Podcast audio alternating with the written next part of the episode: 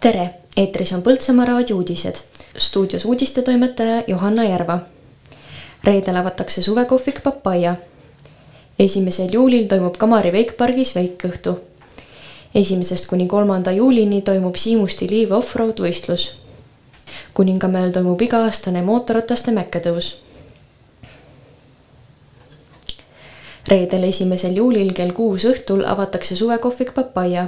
avamiskontsert toimub kell kaheksa, kus esinevad Põltsamaa noored. tegemist on Põltsamaa valla kaasava eelarve raames loodud projektiga. suvekohvik on avatud reedest pühapäevani kella kaheteistkümnest kuni kella kümneni. kohvik asub Veski tänaval Ripsilla vastas ja vaatega jõele, räägib Marko Uusküla.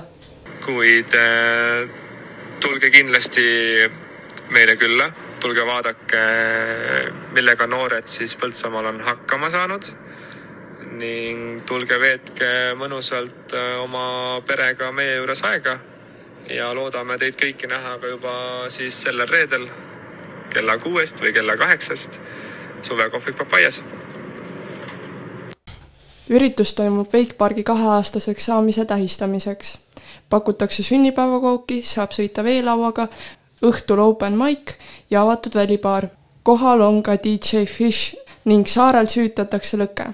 üritus algab kell seitse ja kestab südaööni, räägib Joel Pärle.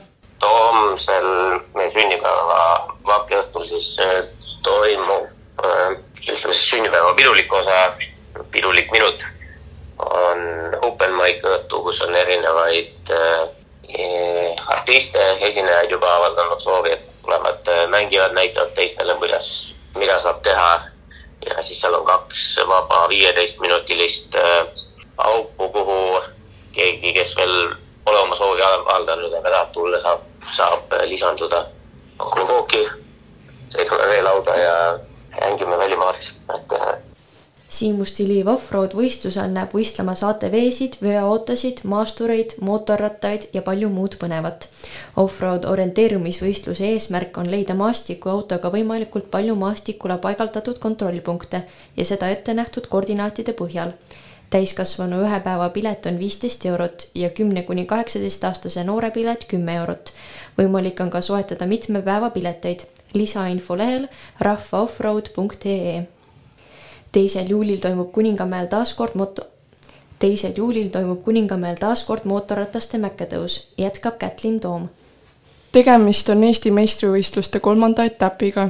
üritus algab kell kaksteist, pilet on kümme eurot ning arveldamine vaid sularahas. koha peal saab ka süüa ja juua.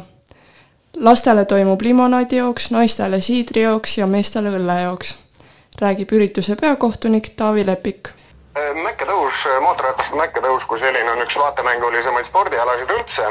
pakub publikule hästi palju oma kukkumiste ja, ja ka kiirete sõitudega sellist adrenaliini ja, ja põnevust vaatamisel.